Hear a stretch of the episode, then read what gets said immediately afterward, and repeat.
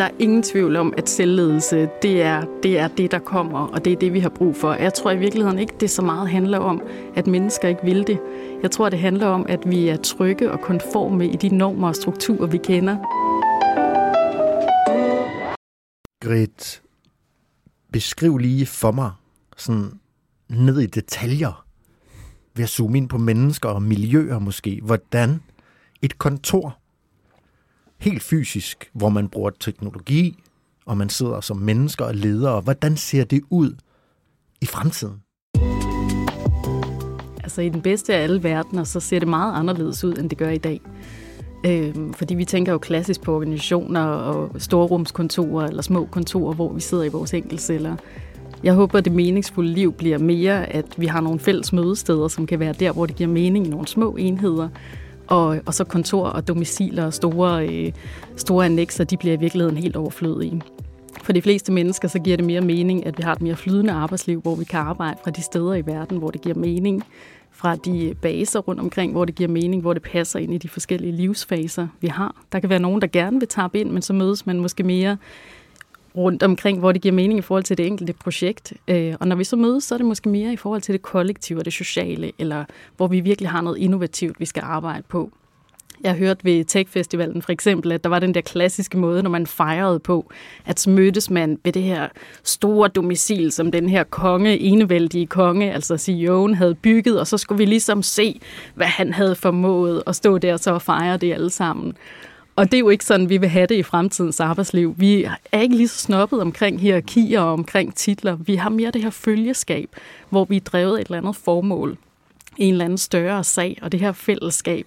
Så der bliver det måske mere, at nogen tager til Bali, fordi der vil man gerne øh, øh, investere i at finde ud af, hvordan arbejder man godt og fleksibelt, eller Portugal, som er det bedste sted til nomader. Så er det måske dernede, man sætter sig og bliver klogere på remote life, har en fest der sammen, og måske i virkeligheden kun med de 40, som man sådan tapper ind i, i det her store domicil, og har et fællesskab med. Og det kan så være det 40 andre året efter, fordi der er man på et nyt projekt, eller er i virkeligheden også øh, har, har shufflet rundt med sin stilling. Øh, en, en virksomhed som Cisco, som jeg har besøgt i Silicon Valley, de har også den her måde, man får det meningsfulde arbejdsliv, ved at man måske det ene øjeblik sidder i salg, og så kan man også internt et par år efter skifte til, man sidder ved, ved en mere IT-drevet funktion, eller man sidder mere ved, ved HR. Så den her med, og hvis vi overhovedet skal fastholde folk i de her organisationer, jamen så skal vi give dem mening i forhold til det, de laver, hvor de har en stejl øh, læringskurve, og hvor mm. de kan udvikle sig.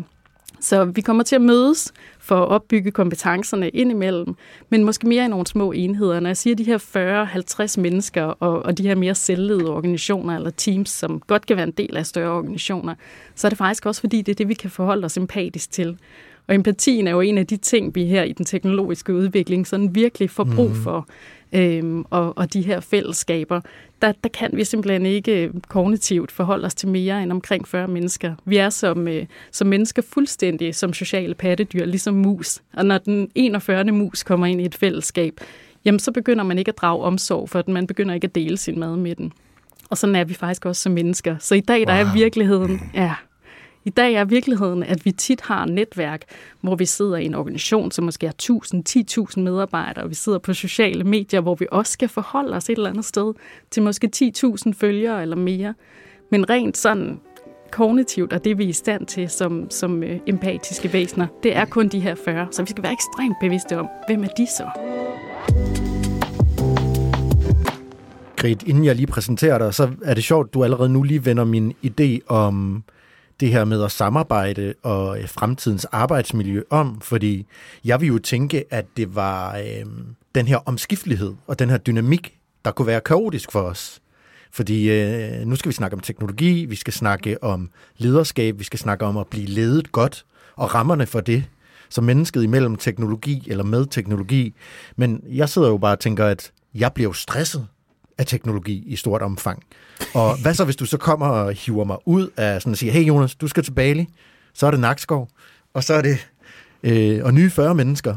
Så det er jo bare interessant, at du allerede vender det på hovedet og siger, at mindre grupper og flygtige arbejdsmiljøer, det, er, det bliver fremtiden.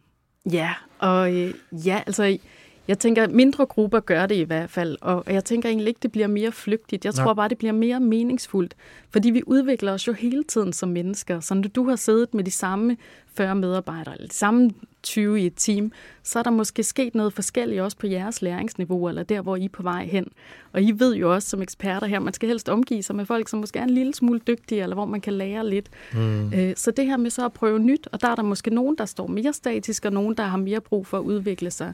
Så, så derfor sker det helt naturligt og helt dynamisk alligevel. Så jeg tror ikke, man vil opleve det som stresset. Det vil bare være en naturlig åbning, der i virkeligheden er i nogle mere dynamiske organisationer.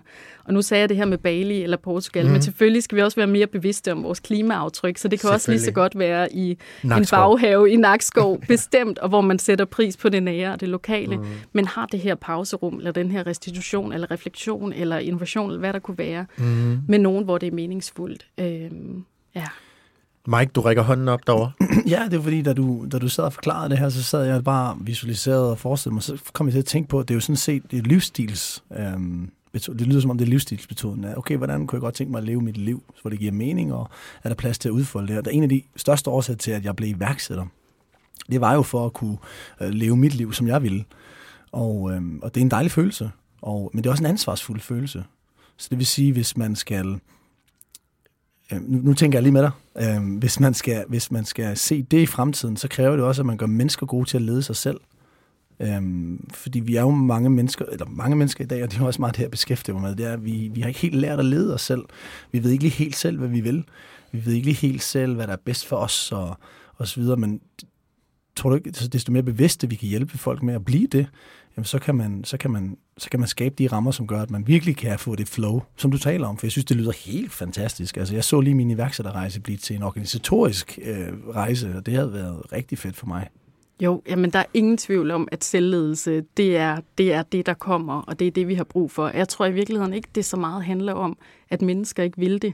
Jeg tror, det handler om, at vi er trygge og konforme i de normer og strukturer, vi kender, og så handler det også om, at der er nogle organisationer, hvor der sidder nogle folk på magten, som trives ret godt i, at der er nogle hierarkiske strukturer, at der er nogen, de måske ikke behøver at vise tillid, eller ikke behøver hele tiden. Altså, jeg ved godt, det er sådan lidt sort-hvidt tegnet op, fordi heldigvis får vi mere og mere tillidsdrevne organisationer. Det er jo det, det kræver for, at du kan sælge. Det handler jo om, at hvis der er nogen, der udviser tillid til dig, og giver dig mandatet til, at du godt selv må, og du også må fejle, og må bruge de fejl som læringer, mm. og ikke bliver slået på, når du, når du slår dig på, på rejsen med også at fejle, så vi ikke kun fejrer dig, når du er en succes, men bruger det hele som en læring, evaluerer på det hele, tager det hele med, og har nogle rum, hvor du så kan mødes med den her tribe af, af 40 mennesker, og nogle, altså lederen i fremtiden bliver jo også mere sådan en coach i de her selvledende strukturer, som ja. man taler om, og som jeg allerede føles med organisationer, der eksperimenterer med der har man jo et fladt hierarki på den måde, at, at man har en leder, fordi vi har brug for nogen, der udstikker noget struktur på en eller anden måde. Vi har brug for nogen, der siger et mål. Hvad er det ja. for en sag, vi sammen går efter? Hvad er det for nogen hvad er det for nogle milepæle, vi skal nå på vejen derhen? Og hvor kan jeg bede om hjælp? Og så der har vi den her leder som en coach i virkeligheden. Mm, og det må du i den grad være, være fortaler for, mm, så man absolut. kan gå til, og hvor man kan have den her mentor, kan have den her, der kan hjælpe, men som ikke har flere stjerner på skulderen, så der er ikke nogen præcis. egne interesser involveret på den måde om, at ah, men jeg skal også lige lede opad til. Altså man ser jo også i forskning, at dem, der er rigtig gode til at lede opad til, de får i virkeligheden rigtig dårlige ratings tit i forhold til at lede nedad til. Mm, så de er rigtig gode. Hvad mener du med lede opad, opad til? Jeg mener, som leder, der skal du altid både lede opad og lede nedad, hvis man kan sige det. Nu er det sådan klassisk hierarkisk. I virkeligheden synes jeg jo lidt, vi er mennesker i sådan et, et stort fælles formål om det hele, et følgeskab sammen.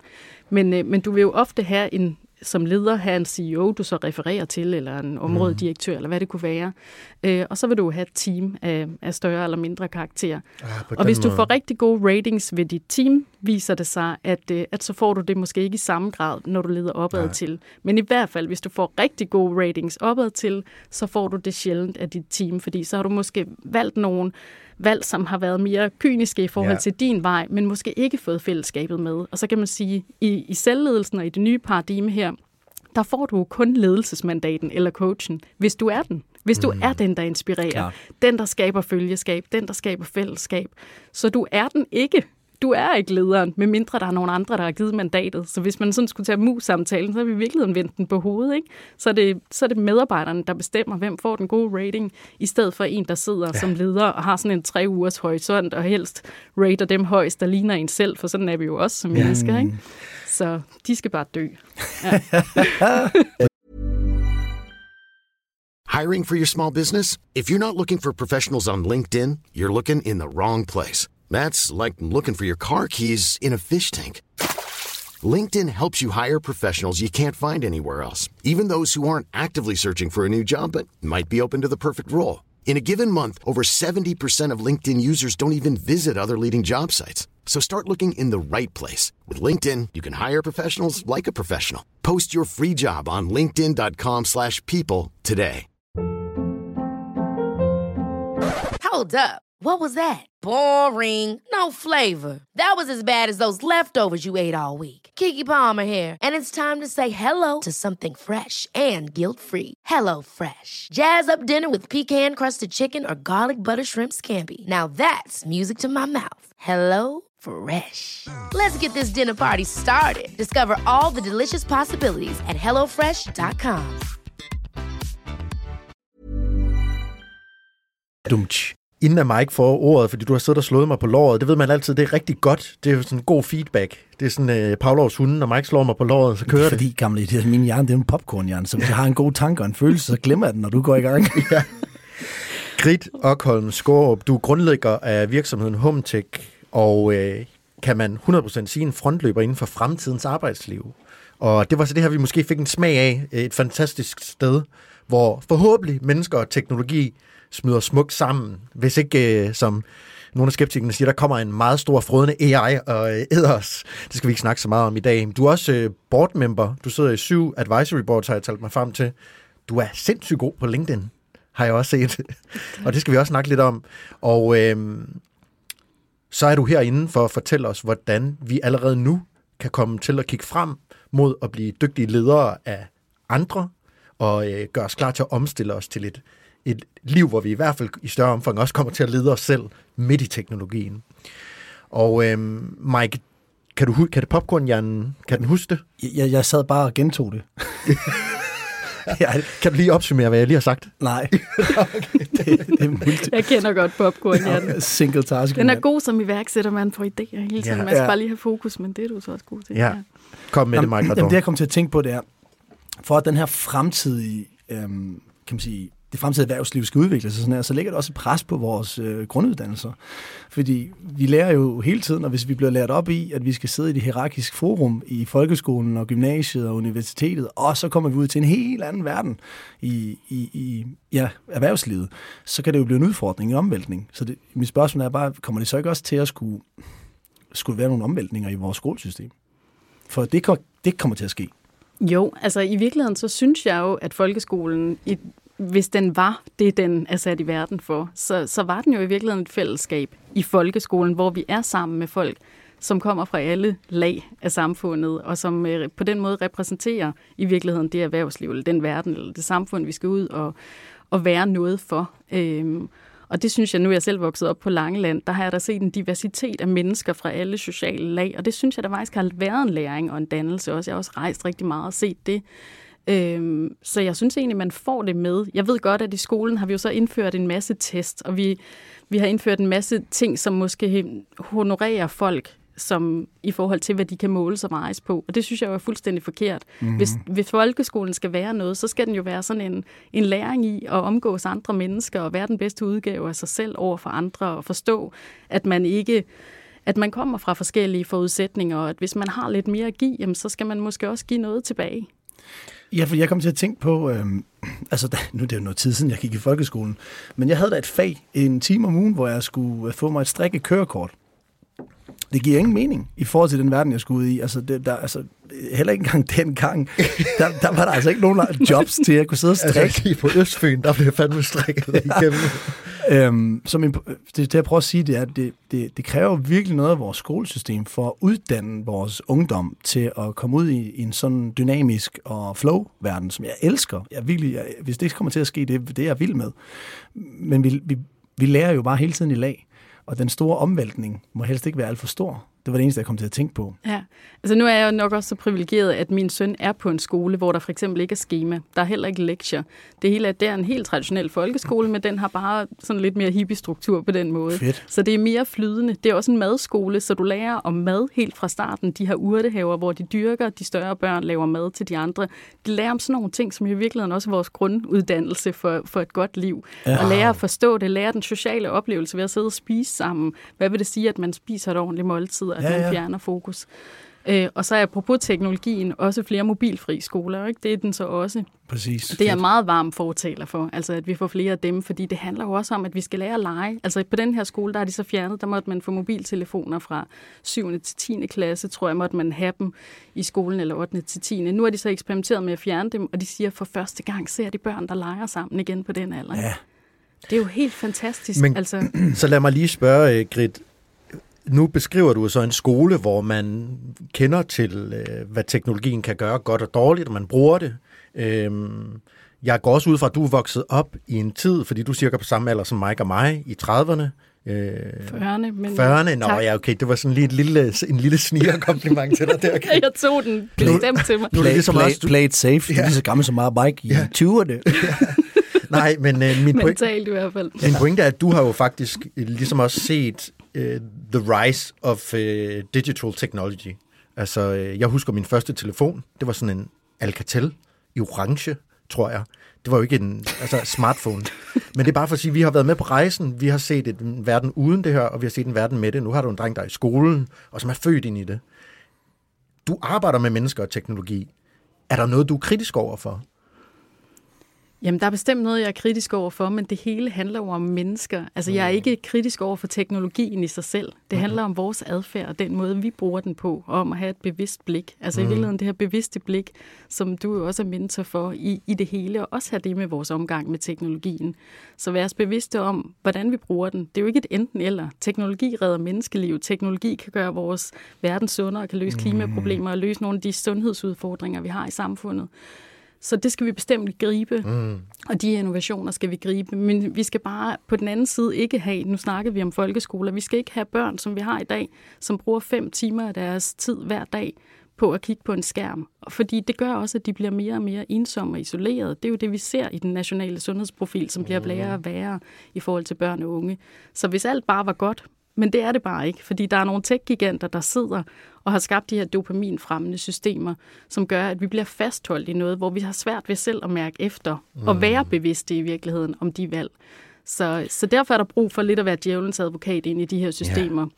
Det er der også, når vi andre begynder at gribe på arbejdspladser i fremtidens arbejdsliv, og allerede nu jo griber alle de her AI, har jo eksisteret længe, men nu er det ligesom blevet sådan mainstream, og vi bruger alle sammen ChatGPT eller BART eller andre ting. Der skal vi selvfølgelig også bruge det. Jeg bruger det også som journalist, sidder og prompter, bruger det, bruger det til min bas- basale research. Mm, men jeg Du bruger meget, det. Det bruger ikke dig. Det er det, der er forskellen. Præcis. Altså, der bliver jo i fremtiden prompt engineers, for eksempel, altså dygtige folk, der er gode til at stille spørgsmål til de her bygge ovenpå, og hvor man får noget basal viden. Jeg har også været med til at innovere en masse teknologiske platforme inden for legal tech, og der var det jo for, at vi kunne tage vores laveste fuldmægtige, hvis man kan sige det sådan, og sætte dem til i virkeligheden at øge deres kompetence, mm. fordi vi så fik en fristberegner til at regne frister i udbud ud som en app eller en teknologi, så kunne man i virkeligheden øge kompetenceniveauet, så vi kaldte det rugbrødsarbejdet, der blev Ja. sat strøm til, og så kunne vi få højne specialisterne. Og det er jo der, hvor vi er tilbage til, vi skal have folk, der får mening i deres liv, fordi de præcis. oplever, at de gør en forskel, at de kommer med noget viden og med noget arbejde, som har værdi.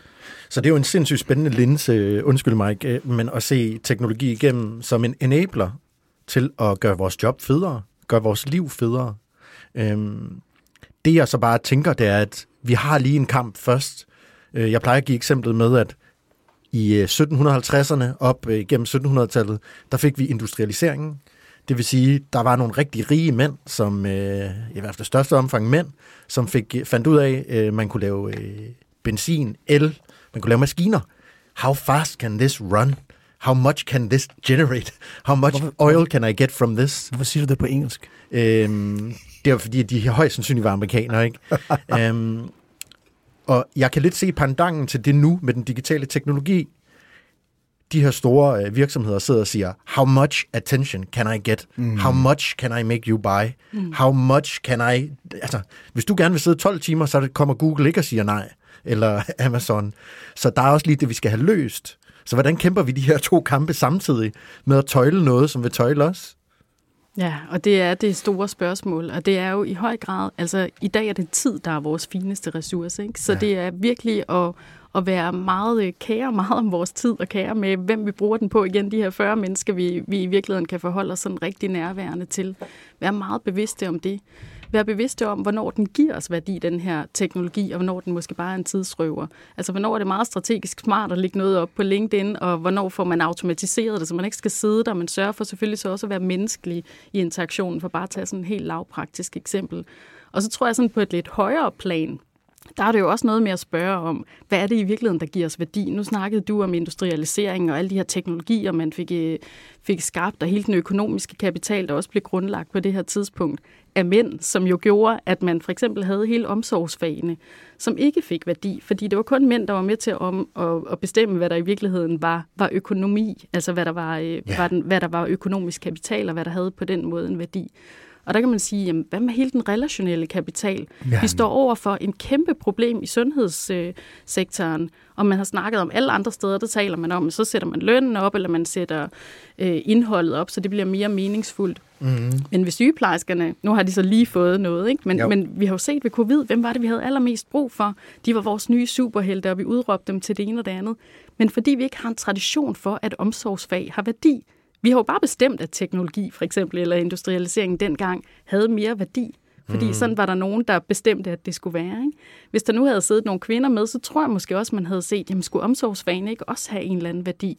Og skal vi i virkeligheden også se i fremtidens nye organisationer, at den relationelle kapital i virkeligheden også har værdi? Det er ikke kun er den økonomiske og den produktionsmæssige. Jeg tror ikke, det er ud af nogen ond mening. Det er bare sådan, det har været rigtig længe, at vi har målt, hvornår der er kommet værdi ind, som vi kunne måle og veje i økonomi.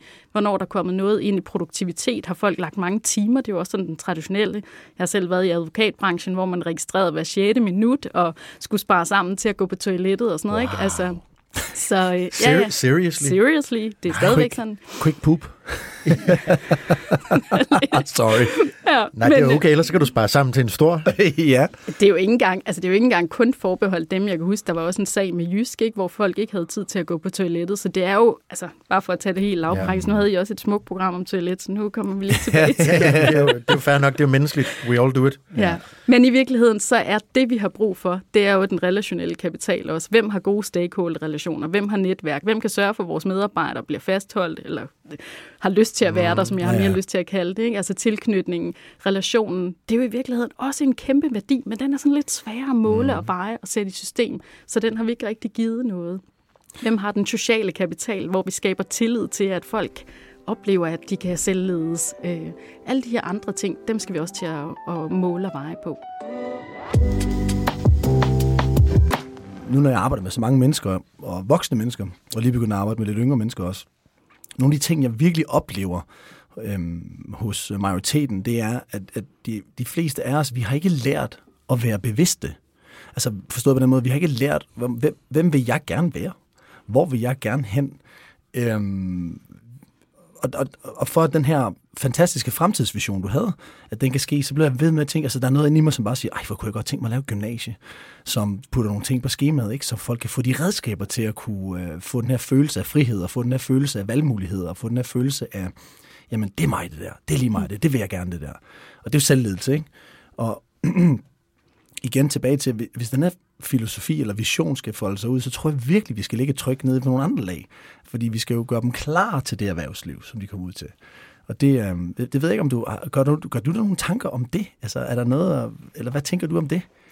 Jamen, jeg talte med en meget dygtig direktør, tidligere direktør for Ungdomsrådet Kors, som nu sidder i Akademiet for Social Innovation, øh, om det her øh, øh, i forhold til folkeskolen specifikt og som har meget den her sociale dimension, som jo i virkeligheden også er en mangelvare. Vi snakker meget om bæredygtighedsmål i forhold til, til alt, hvad der sådan er på den samfundsmæssige, eller på, på øh, når vi snakker om bæredygtighed i forhold til grøn omstilling, så er det tit igen noget, der kan måles og vejes. Men hele den sociale dimension, hvor vi i virkeligheden kigger på, hvordan, hvordan ser vi på hinanden som mennesker, hvordan ser vi på det sociale, hvor vi er sat sammen. Jeg tror, det er den, der mangler. Altså, mm. Han pegede på, at vi skulle lære livsmestring, for eksempel, som en ting i, i folkeskolen. At vi skulle måske også lære... Så enig. Ja, netop de her ting i forhold til altså mestre livet, livsdesign, hvordan vi... Men i virkeligheden, altså jeg har også det her medmenneskelighed, som jo også hurtigt kan lyde sådan lidt frelst, men det er faktisk alt andet end det. Det handler i virkeligheden om, at vi at vi hele tiden ser på, at vi er en del af noget større. Ja, altså man præcis. kan også tale om forbundenhed, som Hartmut Rosa, øh, sociologen, har det her øh, begreb resonans, eller Søren Kierkegaard, det højere gode. Øhm, hvor at man det, kan mærke noget i maven på en eller anden måde, at man kan mærke andre. Ja, at du i virkeligheden, at det det, du kan stræbe allermest efter, og som man skal lære helt fra grundskolen eller fra grunduddannelsen, det er måske i virkeligheden, at vi alle sammen er forbundne. Vi alle mm. sammen er en del af noget større at når vi taler om grøn omstilling, så skal vi måske ikke kun tale om CO2, som vi ikke kan mærke, fordi det bliver sådan lidt abstrakt. Så skal vi måske tale om, at menneskeliv i syd lige så meget værd som midt i nord. Ja, præcis. For det handler jo om, at det er menneskeliv, der forsvinder. At det er deres livsgrundlag, der forsvinder. Og hvis man tapper ind i den her shared humanity, som man kalder det inden for compassion leadership, som en af dem, jeg sådan meget læner mig ind i, øhm, som kan oversættes til netop sådan forbundenhed eller medmenneskelighed, jamen så handler det jo meget om, at, at vi alle sammen er forbundne, at vi alle sammen i virkeligheden er en del af et stort øh, organisk økosystem, hvis man kan sige det. Og at de aftryk, vi sætter i hinanden, de smitter. De aftryk, vi sætter i kloden, de smitter også. Og det er jo helt mm. ned. Det er ikke, fordi man skal så ud og revolutionere verden. Det har vi ikke alle sammen forudsætningerne til. Men hvis vi alle sammen får sådan et, et livsdesign eller en livsmestring, hvor vi bare med det, vi kommer fra, og de ressourcer, vi har, så måske bare er lidt bevidste om de aftryk, vi sætter i hinanden eller sætter i kloden, så tror jeg, at vi alle sammen kan komme lidt længere. Og så er der nogle af os, der måske er udstyret med lidt mindre eller lidt mere end andre. Og så synes jeg også, at man har en klar forpligtelse til, og det er egentlig ikke sådan en forpligtelse, du skal. Det bør bare være en del af vores, vores læring fra starten, mm. at hvis du har lidt mere at give, jamen så giver du selvfølgelig. Og den synes jeg virkelig, vi mangler. Altså, ja. jeg synes meget, der er sådan en i virkeligheden meget et fokus stadigvæk på ego, og hvad kan jeg nå, og hvordan kan jeg opnå endnu mere. Men er det ikke det kapitalistiske Men, synspunkt, der, der virkelig også ender og trykke det? Så, så spørger du mig, så tror jeg jo, at den kapitalistiske model, den står over for en kæmpe forandring på sigt. I specielt hvis, hvis vi skal have de her fremtidsvisioner på banen, at vi bliver nødt til at tænke anderledes, end vi har gjort nu, fordi i det kapitalistiske system, hvis du spørger mig, jamen, der vil altid være nogle kæmpe vinder og nogle kæmpe tabere. Og der er den her We All One, og det blev inspireret af meget Hardip Chanal, som var inde i uh, en, af vores, en af vores første podcast, podcast-afsnit. Og der, han kommer fra Indien.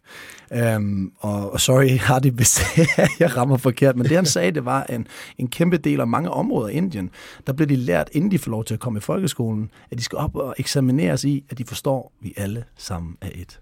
Mm. Det er fedt. Nej, det er jo så smukt. Ja, altså. vi er alle sammen et, ikke? Og de får ja. ikke lov til at gå i folkeskolen, Nej. hvis ikke de er kommet ind og bestået den her forståelse. Ja. Ja. Og den kan vi helt klart. Altså den der forbundenhed, den der med at forstå shared humanity, som mm. jo er et andet begreb for det, at vi hører sammen. Og det jo handler jo også om vores udsyn. Det handler også, nu nævner du Indien. Jeg hørte, at vi først nu har fået en, øh, en udenrigskorrespondent i Indien. Det er altså den mest folketætte ja. population i hele verden. Men vi har interesseret os så lidt for internationalt stof. Nu er vi journalister også begge to. Ikke? altså vi har meget, vi er kun 5 millioner mennesker, ikke? Vi har altså rigtig meget, hvor vi kun interesserer os for os selv. Så det synes jeg også, vi skal være ekstremt ydmyge om, at der sidder folk derovre, som er så mange flere end os. Selvfølgelig kan vi lære noget. Ja da. 1,4 også... milliarder indre nu, ikke? Ja, præcis. fast. Ja. Grit, jeg vil gerne lige øh, kalde det her næste kapitel for måske teknologi med hjertet. Øhm, fordi noget, jeg har læst mig frem til, at du går meget op i, det er øh, noget, som man kan sige er tre F'er, formål, fællesskab og følgeskab. Hvis, man skal, hvis vi skal prøve måske at være lidt konkrete og sige, når du siger formål og gerne vil binde mennesker sammen, sammen med teknologi, kan man bruge teknologi til at skabe bedre formål for mennesker i deres hverdag eller arbejdsliv eller for ledere? Jamen det tror jeg i høj grad, man kan. Altså når jeg taler om formål, så er det jo i virkeligheden igen den her mening, altså den her større sag, vi arbejder mm. for. Og det kan jo meget vel være, at det er en, en teknologi, man også ja. er på en rejse med at bruge eller med at innovere. Øhm, jeg elsker selv teknologi. Jeg er ekstremt teknologinørdet og nørder alt, hvad der er af de nyeste trends og sådan noget. Så det er jo, det er jo igen, altså det, det handler jo ikke om, at man ikke skal bruge teknologien. Mm-hmm. Men det handler om, at vi er meget bevidste, hvis vi skal arbejde for en sag, så skal vi være meget bevidste om, hvad det er for et større mål. Og nu lige tilbage til den her krølle med kapitalismen. Ja, jeg tror også, at vi står over for, for et paradigmeskifte, fordi det er vi simpelthen nødt til. Jeg tror også, det bliver rigtig svært, fordi der sidder stadigvæk en, en magt, øh, som mm. har stor interesse, og der sidder også, det er jo ikke igen sort-hvidt her, vi har fået vores velfærdssamfund på baggrund af kapitalismen, mm, så det skal yeah. vi heller ikke glemme, altså at, øh, at rigtig meget godt er skabt, men vi står bare over for, at vi kan ikke længere vækste i den grad, vi gør. Og der er stadigvæk ikke en eneste ambitiøs eller visionær politiker, der ikke taler om vækst. Og Nej. hvis man, øh, hvis man skal se på det samfund, vi har, jamen så kunne det jo være et formål i sig selv mm. at sige, jamen vores klode kan ikke bære til, at vi bare har sådan en stejl kurve, der stadigvæk siger vækst.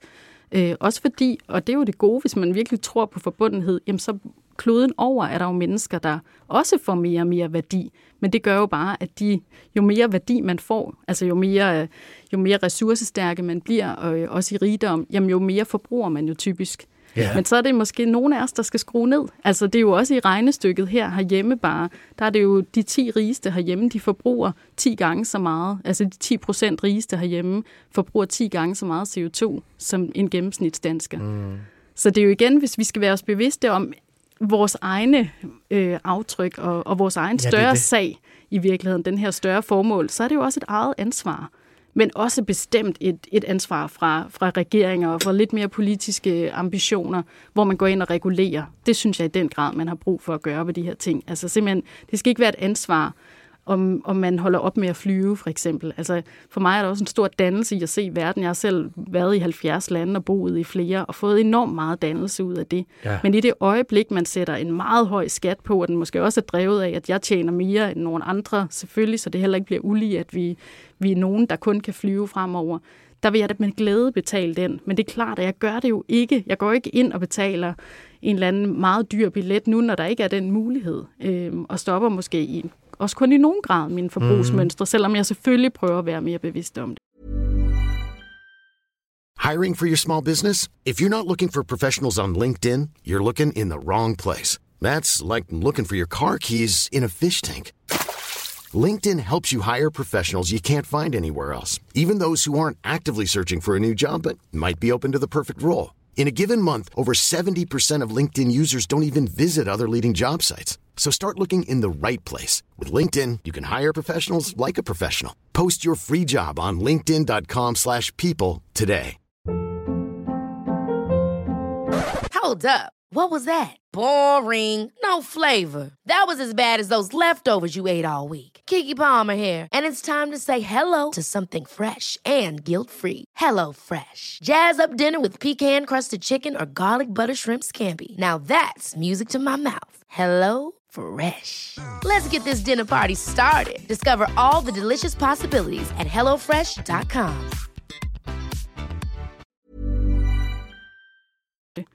Når I snakker om fremtiden og det her med kapitalisme, næste episode, der er, altså der, der er læsningsanbefalinger her til dig, øh, til dig, Mike, og til dig, Grit. Mm. Det metamoderne, hvordan man tager det bedste fra moderniteten, det bedste fra det, man kalder det postmoderne, og så øh, prøve at blive øh, progressiv, aktiv, i stedet for at sidde tilbage og kritisere og pille lidt i navlen. Øh, så det vil jeg bare sige. Jamen, men, tusind tak for den anbefaling. Og det er jo også nogle gange at vende tingene på hovedet. Jeg følger meget sådan en historiker og forsker som Rutger Bregman, mm. der i virkeligheden ser, at når du for eksempel giver folk, der er i det, han kalder knaphedsmentalitet, altså folk, der mangler ressourcer, fattige, hvis du giver dem midler, jamen så holder de, altså for eksempel har der været eksperimenter i England med hjemløse, man har givet midler, der er også store eksperimenter i USA med det, jamen så holder de faktisk op med i virkeligheden at have den her adfærd, hvor de kun kan tænke på, at de mangler penge, og så begynder de at bidrage. Ja. Men hvis vi holder folk på et eller andet sted, hvor de hele tiden er i den her knaphedsmentalitet, og den er der mange af os, der er i, også i forhold til ledelse. Absolut. Der er der også, altså som leder er vi jo sådan et ekstra pres, fordi vi hele tiden har et, et pres for at skulle lede andre. Så der mangler vi måske knaphedsmentaliteten. Det kan jo være, at vi mangler søvn, vi mangler tid, vi mangler den gode mad eller den ordentlige træning. Og så er vi hele tiden i sådan et pres, hvor vi faktisk ikke giver den bedste udgave af os selv. Mm. Øh, og for nogen, der er det bare de helt basale ting overhovedet at, at kunne være næste dag øh, ja. med et måltid. Ja. Grit, så når man siger formål, følgeskab og fællesskab, hvordan prøver du så, for at gøre det konkret også til lytterne, der sidder mm. derude, ja. hvordan navigerer du i at prøve at implementere det i din hverdag? Altså nu siger du, du har et omrejsende liv, og du er mange forskellige steder, men hvordan kan man tage de her begreber på sig, hvis man er selvstændig eller har en lille organisation, er en del af en stor organisation? Hvordan kan man begynde at eje det her? Jamen, jeg tror meget, det er det her mindset, at vi, vi skal være meget bevidste om, at vi arbejder for den her sag. Altså man skal simpelthen som medarbejder også udfordre, hvis man er i en organisation, hvor man synes, at der ikke er en større sag jamen så sige, jamen, hvad er det egentlig, vi arbejder for? Vær sikker på, at man ikke sidder og laver pseudoarbejde, eller udfordre, hvis man synes, at man ikke sætter nogle aftryk, som er meningsfulde, eller skifte job, hvis man i virkeligheden synes, at det demotiverer en. Altså, tag den her selvledelse, den er jo også i forhold til, det behøver ikke kun at være ud og gå ud og blive iværksætter, som, som nogen af os gør, men det kan jo også være at tage den internt i organisationen og være en rebel, altså så er også udfordre. Så er du også iværksætter. Præcis, altså du kan jo rigtig meget, altså stille spørgsmål, vær kritisk, se de blinde vinkler, altså være opmærksom på, være djævelens advokat. Mm. Og jeg kender ikke mange ledere, som ikke elsker den type, eller jo, det gør jeg måske, men altså jeg synes, der er mange af fremtidens ledere, og mange i hvert fald i mit følgeskab, som jo mm. rigtig gerne vil være lydhør over for nogen, der i virkeligheden kommer. Jeg har måske selv også været en af dem, der sådan kunne larme lidt mere udfordre, for eksempel en traditionel branche som advokatbranchen, men hvor man jo så kan se, at det har alligevel plantet sig. Så kan det godt være, at modenheden ikke helt var der på det tidspunkt, men så har man alligevel plantet nogle tanker og inspireret til noget, som så måske kommer til at vokse lidt senere, eller hvor der kommer en modenhed efter et par år, når man har været der. Mm. Så det skal man være bevidst om at have tålmodigheden til, og har man ikke det, så må man måske bryde ud. Øh, og så kan man sige, følgeskabet eller fællesskabet. Altså fællesskabet, det handler jo også meget om det her mindset, vi har snakket om, at du er kun noget sammen med andre. Vi er forbundne alle sammen. Vi er alle sammen i et fællesskab. Ha' det her med, at det hele ikke handler om mig, men det handler om et os. Og så følgeskabet er jo i virkeligheden meget tilbage til den her også med ledelsen, med at du kun du bliver kun givet noget, hvis du i virkeligheden er en, der giver noget. Ja. Og det er jo både at give noget af dig selv som menneske. Altså vise dig sårbar, vise dine fejl, vise alle de her ting. Ikke kun vise dine succeser. Dem må du også gerne vise. Men måske have det her perspektiv i det, at du så gør det med, hvor er der noget, hvor jeg kan inspirere andre? Hvor kan jeg lære noget af det, jeg selv har lært? Husk også at anerkende dem, man selv har lært af på rejsen. Mm, præcis. Og løfte dem. Der, der ligger en kæmpe øhm, i min optik, så ligger der en kæmpe bevidsthedsudvidelse fra udvidelse for os alle sammen, ikke? fordi der er jo, det er de færreste mennesker, som jeg møder, som forstår, at vi, vi, vores tanke er, at, at, er skabt af et program og vores tanker er skabt af en tidlig opvækst og miljø og så videre. Så vil sige, at vores virkelighedsopfattelse, den kommer jo fra tidligt, tidligt, tidligt stadie.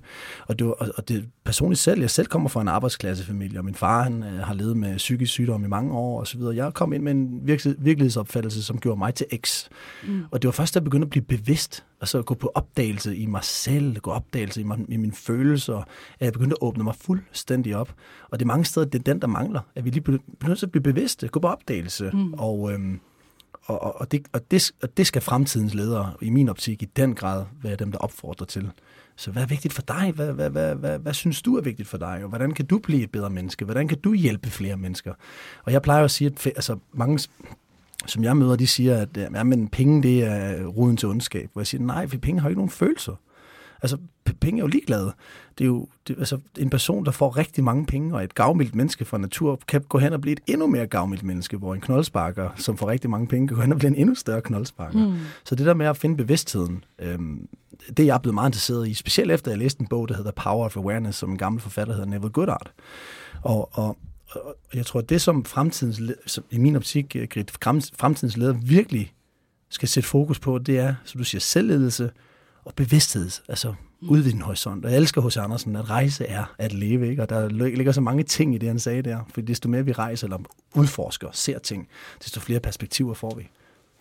Ja, jamen, der er så meget rigtigt i det, du siger, og, og helt klart det bevidste lederskab. Altså, øh, og det er jo så, der er vi jo så bare som mennesker nogle irrationelle størrelser, og, og der er forskeren, øh, neurologen blandt andet Benjamin Lebé, har jo også lavet store studier, hvor han viser, at vi faktisk reagerer uden at være det kognitivt bevidst i vores hjerne. For eksempel med sådan et stort eksperiment, hvor man har sat en, en, øh, en knap og nogle forskellige ting foran folk, så reagerer de faktisk instinktivt med at trykke på den her knap, før at man overhovedet i hjernen kan registrere, at de er så bevidste om, at de gør det. Wow.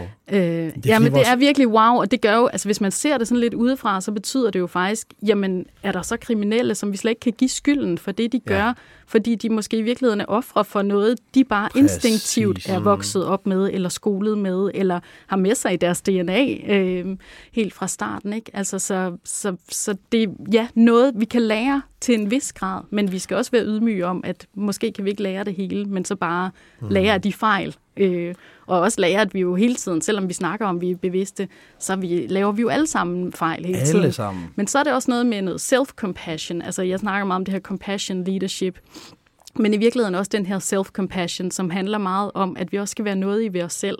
Ja, Øh, da. Der er sådan et begreb om, pas på dig selv, før du kan passe på andre. Mm. Så vi kan jo kun være den bedste udgave af os selv over for andre, hvis vi i virkeligheden også er noget i over for os selv. Hvis vi også har den her indre pytknap, eller hvis mm. vi også på en eller anden måde, vi har jo alle sammen destruktive tanker, men så sådan metakognitivt for eksempel parkerer det i nogle zoner, hvor vi siger, jamen, der synes jeg, i den, altså, vi har jo en tradition med den kognitive terapi herhjemme, men den metakognitive er jo mere, at du siger, jamen, der er plads til de her tanker. Ja. Vi er bare, og du kan ikke måske komme af med dem, men så siger du, at i det her tidsrum, der får de så lov til at fylde. Så det her med sådan at være bevidst om, at sådan vil det være, men vær nådig. Vær ved dig selv, som du vil være over for den bedste ven. Altså sådan hele tiden lære den her self-compassion. Lad os dykke ned i nogle af de her værktøjer, fordi vi jo også, vi vil gerne være hands-on her. Og øh, med din store viden inden for tech, og også din store bevidsthed omkring din hjerne, så kunne det jo være interessant at høre, hvordan du arbejder med dig selv. Også for at kunne overleve og leve. Øhm, du må være i en god position, Gritte, til også at forstå, hvor vigtigt det er. Så kan du prøve at give os nogle eksempler på, hvordan du, øhm, du tilstræber at leve? Ja. Øh, altså, jeg ville så gerne komme med en eller anden stor og forkromet øh, opskrift her, men jeg tror i virkeligheden, altså min, min superpower, det er nok, at jeg, og nu er jeg jo også blevet en dame på 43, at, øh, og, og klogere med alderen et eller andet sted, at, at, øh, at jeg har en ekstrem mental robusthed. Det tror jeg faktisk er det, jeg er udstyret med, og måske i virkeligheden altid har haft med mig. Sådan en tillid, en grundtillid ja. til verden, som også er kommet til udtryk måske som yngre, i sådan lidt en naivitet på nogle punkter, men som egentlig gør, måske også ved at vokse op på Langeland, og hvor jeg voksede op i sådan et sådan lidt øh, hippieagtigt hjem med høns i haven og forældre, som var sådan meget humanistisk drevet, og øh, det var sådan et intellektuelt hjem, hvor der også kom folk fra hele verden, og der blev spillet masser af musik, der var masser af fester og sådan noget. Der var sådan en, et, et, et åbent hjem, hvor der kom masser af mennesker. Så jeg tror, der var sådan en tillid, sådan en mødenhed, altså man, eller imødekommenhed over for verden. Man låste heller aldrig sin cykel, og hvis den var stjålet, så stod den nede ved, ved rutebilstationen, som det hed dengang. Øhm, jeg kan huske, ved en Langelandsfestival blev vores bil stjålet, og så,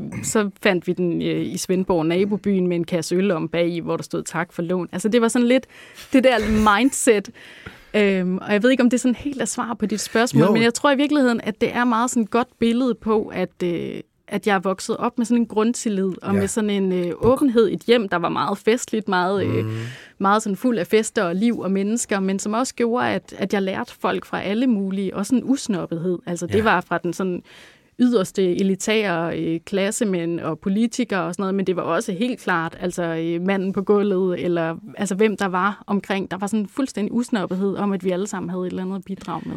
med. Har det været øh, en af grundene til, øh, når jeg for eksempel kigger nu, du er et meget socialt menneske, meget delende menneske. Det er selvfølgelig også en del af din karriere, og du ved, at du skal være derude. Øh, men du er rigtig god på LinkedIn. Du er med i en, mere end en håndfuld advisory boards. Du kommunikerer meget, du skriver meget. Altså, tror du også noget af den her deling og det her med at ramme mange mennesker, skabe netværk, kommer det også derfra noget af det? Øh, og invitere så mange mennesker til din private fest, eller hvad kan man sige? Jamen, altså det, ja, jeg tror helt klart, jeg har nogle følgeskaber, som jeg synes, folk er jo også sådan meget, åh, når jeg bliver ikke værksætter, så bliver du isoleret og sådan noget. Jeg har aldrig følt, at jeg havde mere meningsfulde følgeskaber. Jeg har mine gamle relationer, ligesom jer to, altså med folk, der går helt langt tilbage. Men jeg har også fået et netværk af de smukkeste og klogeste hoveder, jeg omgiver mig med og lærer af og spare med. Øh, Og det tror jeg, man gør ret hurtigt, hvis man begynder at åbne lidt op om, hvad det er, ens verdenssyn er, eller ens værdier er, og gøre det fra et ærligt, et meget mere måske også autentisk og ærligt sted, fordi du pludselig står alene, og den eneste, der sådan kan klandres for noget, det er dig selv. Du er ikke et brand, som er din virksomhed. Og det vil måske være i virkeligheden min bedste anbefaling til lytterne at være meget bevidst om det. Nu var jeg selv, øh, indtil jeg sagde op, ni år i et advokatfirma, og, øh, og der var der flere bagefter, der spurgte, om jeg var jurist, fordi jeg havde været så god til at sidde som kommunikationschef der, og være virksomhedens brand også. Altså der, der synes jeg, at du skal jo igen sælge dig selv ind i organisationen. Du skal jo også være et brand der. Du skal gå ud og være en thought leader med det, du kan der. Også selvom du sidder i organisationen, for ellers kan det være ret besværligt at, at lave den historiefortælling om. Prøv lige at gå lidt tættere på det, fordi det synes jeg var spændende, at øh, du siger et, du skal leve dit brand på den måde, at du er. Du kan ikke, øh, du kan ikke have to, du kan ikke have to masker. Så finder folk ud af det, det er ikke reelt. Men så prøv lige at tage mig med ind i det advokathus der. Hvordan, hvordan ledede du, og kommunikerede du så? Jamen, jeg kommunikerede stadigvæk fuldstændig autentisk i forhold til, hvem jeg var, men jeg var jo selvfølgelig meget virksomhedens brand også. Jeg sad ja. som kommunikationschef og havde jo også en masse thought leaders. Jeg havde også 50 ambassadører, øh, et stort ambassadørkorps, der jeg altid arbejdet meget med, at have folk, der ligesom er de autentiske stemmer, som fortalte om, når de var i retten. Men det var jo mere dem. Jeg blev jo lidt mere usynlig. Jeg var jo ikke så vigtig i det mm-hmm. der spil. Så, så derfor, når jeg kommunikerede noget, så var det måske mere, at jeg videredelte ting, som, mm. som jeg synes var interessante øh, fra dem. Og så er det jo klart, når jeg kun videredeler juridiske ting, eller, eller fra andre jurister, så bliver jeg jo også associeret med det. Så der skulle jeg nok være, der begyndte jeg at holde mange foredrag til sidst øh, i, i den periode, jeg var der, og der tror jeg også, jeg mærkede igen, for jeg har holdt rigtig mange foredrag også. Jeg kom fra filmbyen til advokatbranchen, så det var også sådan lidt af et skift fra Centrope mm. øh, med, med to kulturer, men, øh, men mærkede igen, at jeg elskede det der med at stå og undervise og stå og holde foredrag, og, øh, og, og måske i virkeligheden også på den måde fik lyst til at, at være mit eget brand i højere grad. Ja. Øhm. Så det var lidt flødeskum på øh, den kage, som nogle kommunikationschefer måske er. Dem, der sidder lidt tilbagetrukket og sidder og uddelegerer. Men hvis man ligesom dig kan træde frem på scenen, kan påtage sig at coache og opbygge øh, sine øh, ambassadører, sine øh, medarbejdere, så har man et win der. Ja, og så tror jeg, der er forskellige faser. Altså, jeg kom som sagt fra Centropa, hvor jeg havde undervist rigtig meget og, og forholdt rigtig mange foredrag og været meget på. Så jeg tror, det passede mig rigtig fint at trække mig tilbage i højere grad i en intern organisation, hvor det ikke var mig, men hvor jeg mere skulle bære nogle andre frem. Mm. Og så tror jeg måske mere, det var ikke heller kun fordi, det nu var det mig, der skulle bæres frem. Det var måske mere fordi, de budskaber, jeg havde, ikke var helt på bølgelængde med det, jeg kom fra. At jeg lidt sådan havde behov for at sige nogle andre ting, som jeg vidste, at vi skulle for eksempel være neutral politiske, og vi skulle, altså der var mange ting, man var underlagt restriktioner omkring. Øhm, så der kunne jeg træde mere frem og, og tale fra et mere ærligt og autentisk sted. Mm. Og jeg tror, når man gør det, jamen, så kommer der bare automatisk noget følgeskab, hvis man gør det også med lidt kant og med, med noget ægthed, som folk kan mærke, og, og også en ydmyghed i forhold til at invitere andre med og lytte til andre. Øhm, og når du så siger det her med, at, at, at, og tak for det, at jeg kommunikerer fint på LinkedIn, så har jeg i virkeligheden haft sådan di- digital detox i lange perioder. Okay. Øh, da jeg stoppede, der var jeg så træt af hele det her corporate, så jeg holdt halvandet års pause fra LinkedIn, og jeg har også taget sådan 3-4 måneder over sommeren, hvor jeg, hvor jeg bare har været helt off. Så de pauser tillader jeg også mig selv, når jeg kan mærke, at nu har jeg brug for mere at være i nærværet, være i bare at være sammen med folk, at det, det her med at skulle være på og tage den scene, men det skal man jo i et eller andet omfang mm. som selvstændig. Og nogle gange mærker jeg også, at det gør mig godt, fordi at der netop bliver skabt noget fællesskab, fordi jeg får nogle budskaber ud. Ja. Men jeg synes, det er en balancegang, som jeg selv øh, ja, Klart. jonglerer med. Mike, det her med motivationsledelse, og jeg ved også, at en af dine superkræfter, det er også at skabe following. Det er at mm. få folk til at mobilisere sig selv, eller mm. forstå, hvad de, forstå, hvad de øh, kommer med, og bygge dem op. Mm. Øhm, er det noget, du ser som øh, et redskab, du vil blive ved med at bruge? Øh, er det noget, du ser bliver vigtigere, at vi skal motivere os, og vi skal ledes på den måde? Forstår du, hvad jeg mener? Ja, jeg forstår. Nej, jeg tror, jeg tror det er endnu vigtigere, at vi, vi lærer, hvad motivation er. Mm. Fordi vi, hvis, vi, hvis vi hele tiden skal motivere, så har vi ikke forstået motivation. For motivation, det kommer, når vi giver en indsats og gør os umage. Så kommer motivationen. Så vi kan ikke rigtig vente på, at motivation kommer. Så jeg tror, det vigtige, det, det skal at skabe den her dannelse af, altså hvad, hvordan skaber vi os selv? Ja. Og det tror jeg bliver, bliver rigtig vigtigt. Give redskaberne til det. For det, hvor du virkelig får mennesker til at udfolde sig, jamen det er jo, hvor de føler, de har kontrollen og designet til den vej, de gerne vil have, til, gerne vil have selv. Motivation er jo ikke noget, vi kan vente på. Det er sådan en, et fatamorgana, ikke? Hvor vi siger, jeg er ikke motiveret. Mm. Du ved, jeg er sgu ikke motiveret. Jeg har ikke lyst. Jeg har sgu ikke lyst, ikke? Og, og så få en forståelse af, at det er ikke lysten, der driver værket. Altså, det, det er virkelig beslutningen, der driver værket. Mm. Og mange gange, så skal vi i gang. I kender sikkert godt, men man gider ikke ned i det træningscenter. Øh, jeg gider ikke. Og så kommer man derned, så er man i gang, så vil man gerne være der. Mm. Og det er sådan motivation er. Så jeg tror, øhm, at, at man altså fremtidens ledere, hvis vi skal snakke om dem, ikke, de skal være rigtig gode til at fylde på med redskaber til, hvordan mennesker kan lede sig selv. Mm. For så begynder du at få en dynamik, og der, så begynder du også at få en, øhm, måske en, en, en stab af mennesker, som kan hjælpe hinanden, så det ikke er bare lederen, de venter på. Så det bliver sådan der organisme, hvor, hvor alle hjælper hinanden. Og, for, og nu kommer jeg med en meget klassisk, altså for at du kan hjælpe andre, så skal du kunne hjælpe dig selv. Mm. Og, og det, det er svært at have overskud, hvis du er i underskud. Ja. Ikke også? Jamen, jeg er så enig, og jeg, jeg har oplevet rigtig mange, jeg har været leder i 20 år, og har oplevet mange, der netop kommer med den her, ej, jeg er ikke motiveret, eller det er også fordi hende der ikke svarer, eller ham der, eller sådan, altså, hvor jeg siger, jamen, så tag kontrol over det, du kan tage kontrol over. Sørg for, at det er dig, i stedet for at du brokker dig over, at du ikke får svar på de der spørgsmål, jamen så husk at stille dem. Altså, jamen jeg fik ikke at vide, hvornår deadline var, så stil spørgsmålet, eller følg op, sørg for, at du sætter rammerne, at det er ja. dig, der tager kontrollen. Og det synes jeg virkelig, altså den der med, at vi måske også, som du siger, at det måske er helt i vores skolesystem, eller helt i vores dannelse, at vi forventer, at vi kommer ind og bliver ledet, det er jo i virkeligheden også en, en ærgerlig ting, at vi er blevet kølet så meget, at vi forventer, at der er nogen, der skal fortælle os, hvad vi skal gøre. Præcis. Øh, og, og har man det her sådan lidt entreprenant, jeg synes jo også, iværksætteri i virkeligheden skulle på, eller et entreprenant mindset skulle på skoleskemaet, hvor man forstår at tænke innovativt, tænke i idéer, tænke i løsninger, tænke i, hvad kan jeg tage kontrol over her? Øh, det, det, det tror jeg vil gøre en, vil være en gave for mange, og så oplever man jo en ekstrem grad af frihed. Nemlig. Ja, og der fik jeg også lyst til en krølle tilbage i virkeligheden til den her frihed. Du sagde, du sagde tidligere det her med, med at, man kan, at, at penge jo ikke er noget i sig selv, og det er jo fuldstændig rigtigt. Altså, der er jo også frihed penge kan være en gave til frihed, fordi det kan give dig mere frihed, Præcis. men det kan også være det modsatte, hvis du ender med at have så mange penge, at du skal låses inde bag ved Præcis. store rammer, eller skal leve op til en særlig standard. Så alt er jo sådan relativt i virkeligheden. Præcis. Så det er jo om at skabe sig den bedste frihed, eller det bedste liv inden for, for de rammer, hvor man så kan trives bedst. Ikke? Ja, altså bare lige en hurtig kommentar, hvor, hvor du jeg, jeg møder rigtig mange mennesker, som også siger, som, er du ikke træt af at være så disciplinær og øh, så struktureret og, og så videre, hvor jeg, hvor jeg siger, mm, nej, for det er det, der giver mig min frihed. Altså, vi bliver nødt til at betale up front, altså, men for at vide, hvad man vil betale til, ikke, så skal du have noget retning. Og, øhm, og der, der synes jeg, at øh, i min erfaring, at, øh, at, at alle erhvervsledere burde kunne være burde kunne komme på en uddannelse, hvor de, du nævnte det selv, hvor de kan blive en coach eller en mentor, hvor de kan lære deres ansatte, eller medarbejdere, eller kollegaer, eller team, eller hvad, hvad vil vi nu kalde dem, vores medmennesker, og, og, og lede sig selv lidt bedre. For der sker noget smukt i det. Der, der er noget rigtig smukt i at gå, du ved, og overreagere, og så gå over og sige, ved du hvad, I'm so sorry, man det var ikke mig, der talte, det var mit gamle program. Mm. Det er selvledelse eller højeste rang. Mm. Ja. Ikke? Og så er der nogen som dig, der siger, at, at det skal være meget struktureret. Øh, det tror jeg for mig, at det, nu spurgte du selv om nogle greb før, Jonas, i forhold til, hvad gør jeg så?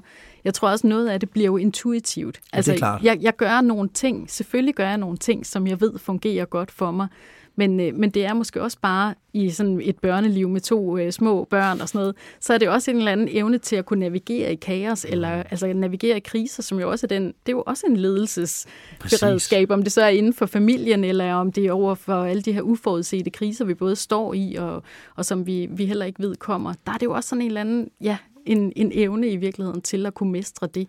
Jamen en krise er jo bare et perspektiv. Ja. Det er jo kun en krise, når du føler, det er en krise, ikke? Ja. Altså, som jeg hørte Mike Tyson, han sagde noget fantastisk. Han sagde, at vi bliver nødt til at forstå, at vi kan ikke bare leve det gode liv. Vi bliver nødt til at omfavne alle problemerne, alt det svære, alle udfordringer. For det er livet. Altså, det er en mm. balance mellem to. Det er dansen mellem de to. Mm. Og det vi sådan, mange mennesker forsøger at gøre, det er at undgå alt det der. Men vi skal også huske på, at der sker ikke noget vækst i den der komfortable zone. Så læste jeg en bog her forleden dag, der hedder The Comfort Crisis, og, øh, som snakker om, at vi som mennesker tilbage til homo sapiens, som meget, meget, meget tidligere jo er født ind i en meget, meget utaknemmelig verden, ikke? hvor altså, vidderligt kunne dø af alt, hvad der skete omkring os, omkring os. Så derfor er det en overlevelsesinstinkt for os at søge det komfortable. Men prøv lige at skrue, til, skrue frem til 2023, der er jo ikke noget, som er ukomfortabelt. Som, altså der, alt er jo blevet så overkomfortabelt, mm. at vi har glemt at søge det, som ikke er så komfortabelt, og det er der, væksten sker. Og det gør sgu ondt for dit ego at gå over og sige til et andet menneske, I'm sorry. Det gør ondt, men det er der, væksten sker, ikke? Ja, men klart, vi skal have en stejl læringskurve, hvor vi, vi udfordrer os selv hele tiden. Jeg tænker, vi så småt skal til at lukke ned her fra mere podcaststudiet, men inden vi lukker ned, så gad jeg godt, at vi øh, måske lige tog til Tech Barbecue med dig, fordi vi startede i fremtiden, og så kan vi måske ende lidt ved fremtiden på en eller anden måde. Når du går til, det er jo så sådan en stor, jeg ved ikke, hvad man kalder messefestival omkring teknologi. Når du kommer ind sådan et sted, er der så nogle løsninger, hvor du ser teknologier eller ting, der, sådan, hvor du tænker, wow, that's gonna help us a lot. Eller uh, hvor du bliver fascineret, eller tænker, altså, det kan noget. Uh, er, er der noget, der dukker op? Jamen, der er rigtig meget. Altså, jeg, jeg var der også med flere af de boards, som jeg sidder i, og, og jeg ser jo i virkeligheden, grund til, at jeg tror, at jeg også arbejder meget for de her ambitiøse tech-startups, det er fordi, de tit disrupter, som er sådan lidt slidt ord, ja. men altså ser på nogle eksisterende teknologier, eller nogle eksisterende måder at gøre tingene på, som kan gøres bedre altså som kan give bedre liv. Og jeg oplever faktisk, at mange af de her særlige unge entreprenante folk, de har virkelig sådan et, et call, hvor de, hvor de virkelig gerne vil gøre en forskel, hvor de har set nogle problemer. Mm. Øh, helt konkret var der blandt andet en øh, bestyrelse, øh, som jeg træder ind i nu, øh, som arbejder med EKG, altså med hjertescanninger i, ved hjælp af AI, som var på, på messen og skulle lave deres første pitch i forhold til at vinde en pitch-konkurrence der. Øh, og hvor den her øh, CEO, han har været ambulanceredder selv, og set, hvordan man ikke kan, altså man har kun sådan nogle systemer, hvor man går ind og kigger på de her EKG-scanninger, så skal man meget hurtigt som ambulanceredder kunne tage en hurtig beslutning. Mm. Men ved at få det her enorme datagrundlag på sådan nogle ting, hvor der faktisk er ret genkendelige mønstre, for det er jo der, hvor AI'en virkelig kan bruges. Det er også derfor sådan noget som røntgen ikke øh, kommer til at være drevet lige så meget af mennesker. Vi allerede har halveret, hvor mange medarbejdere der er på Rigshospitalet for eksempel der kan kunstig intelligens jo virkelig komme med noget. Det har så man det gjort på øh, Rigshospitalet? Ja, på Rigshospitalet. Wow. Ja. Og det er jo ikke fordi, altså teknologien giver jo altid flere jobs, så man skal ikke være så mange for teknologien. Vi har ikke haft noget i den teknologiske udvikling, hvor vi i virkeligheden ikke har fået mere at lave. Så jeg plejer jo at sige, måske skal vi i virkeligheden være bedre til at sige, hvordan får vi så noget, der ja. er bedre og skrue lidt Man får bare noget andet ja. at lave. Ja. ja. Vi bliver ikke ved med at lave det gamle. Nej. det, Nej. det kan historien fortælle os. ja. ja, men det her, hvor der er noget mønstergenkendelse, eller det her for eksempel, hvor du kan se de her hjertescanninger, mm. og hurtigere kan kan simpelthen drage nogle beslutninger ud fra det. Det synes jeg er sådan en teknologi, som virkelig er spot on, og som bare skal rulles ud så hurtigt som muligt, fordi den kan redde menneskeliv. Og han har jo set simpelthen, at folk har draget forkerte beslutninger, og at det har kostet menneskeliv. Altså ja. man har kun det her korte interval i virkeligheden til at træffe de her beslutninger. Og den slags har jeg set flere innovationer af øh, som, som blev præsenteret, hvor jeg virkelig synes, de har fingeren på pulsen. Der var også sådan et andet øh, eksempel, en CEO, der havde ragt ud til mig, et, et eksempel, jeg faktisk forelskede mig lidt i, som er sådan lidt noget helt andet, men øh, I ved, de her gifs, man sender som små hilsner, som kan være tv-spots eller et eller andet små tv-klip eller sådan noget, i virkeligheden sådan lidt fjollet, men han havde så lavet det med musik, fordi tit kan man ikke... Øh, der kan man simpelthen ikke rigtig fortælle med ord eller med, øh, altså med, med billeder præcis, Nej. hvad man vil sige, men man har sådan en eller anden stemning eller noget Følelser. musisk, en eller anden følelse. Og han havde oplevet det i sit eget forhold, for eksempel, når de havde gået der og haft the silent moment, som han kaldte det, den tror jeg, vi alle sammen godt kender. Og så havde han sendt den her hilsen til sin kæreste, hvor de sådan, der kunne de mærke, at de var på bølgelængde igen. Øh, og han bruger det, det er særligt i Brasilien faktisk, det bliver testet, øh, og rullet ud, hvor man simpelthen sidder og sender små musikhilsner og bliver sådan den nye emoji eller den nye. Det var sådan et, et produkt. Han er en svensk øh, musiker, der vandt som årets øh, solist også, og altså klaret sig rigtig godt. Jeg synes, måske har jeg sådan en, jeg har selv en forkærlighed, også fra et meget musisk hjem, for hele det musiske, hele det ja. kunstneriske, og ser den dimension måske i virkeligheden også vokse endnu mere i teknologien. Så jeg tror, nogle så... af de innovationer, jeg særligt forelskede mig i, det var dem der, hvor vi mærker ja. følelser med noget, der er sådan lidt noget større. Kan sådan en lugt. ja. Men der er jo sådan en forbundenhed, Men... ikke? Vi kan lytte til et stykke musik, der er 500 år gammelt, og ja. have den samme følelse, som ja. det menneske har siddet og haft. Det er jo et eller andet... Ja, du kan det er ikke, fantastisk. Det er fantastisk, og du kan ikke ændre på musik. Det er, der er ikke teknologi, der kan komme og gøre den der, Nej. det der stykke Beethoven bedre men, nødvendigvis. Men, den, men teknologien kan så hjælpe den frem. Den kan nå os. Ja, ikke? jo. Grit, Okholm, Skå, vi er desværre løbet tør for tid. Vi kunne have snakket meget øh, længere om følgeskab, motivation, ledelse, coaching og om fremtiden. Mm. Altså, øh, man får lyst til at hoppe op i en, i en rumraket og tage ud til fremtiden, for det lyder fedt, altså. Øh, så tusind tak, fordi du vil være med, Grit. Jamen, tusind tak for jer. Det var en stor fornøjelse. Ja, tusind tak. Mike Rador. Ja. Det var fedt, du også var med. Jeg er klar. Og øh, man kan jo sige på mange måder, hvis man lige skal lave en krølle på halen, så, så synes jeg, og det er et kompliment herfra, nu tager jeg dig lige på låret, imens jeg siger et kompliment, mm. det er, jeg synes jo faktisk, du er meget i fremtiden allerede. Fordi at mange af de ting, jeg lærer fra dig, og du lærer videre, det er øh, konstruktiv brug af teknologi, det er øh, forståelse af menneskesindet. Så når vi har snakket med Grit her, så får jeg jo bare forstærket, at øh, jeg skulle til at sige, du er på rette vej, men vi er på rette vej. ja, det er godt. Tak, Jonas. Så øh, det vil jeg bare lige sige. Ja, og det kan jeg kun bekræfte. Ja. Mm. Tusind tak, fordi vi var med. Øh, lytterne derude også. Ja, tak for alle jer lytter, og mega, mega meget tak for, at I overhovedet gider at tune ind på vores podcast. Det er, uden jer, så var vi her ikke. Det er meget vigtigt for mig at fortælle jer. Tak skal I have. Vi snakkes ved. Hej hej. Hej.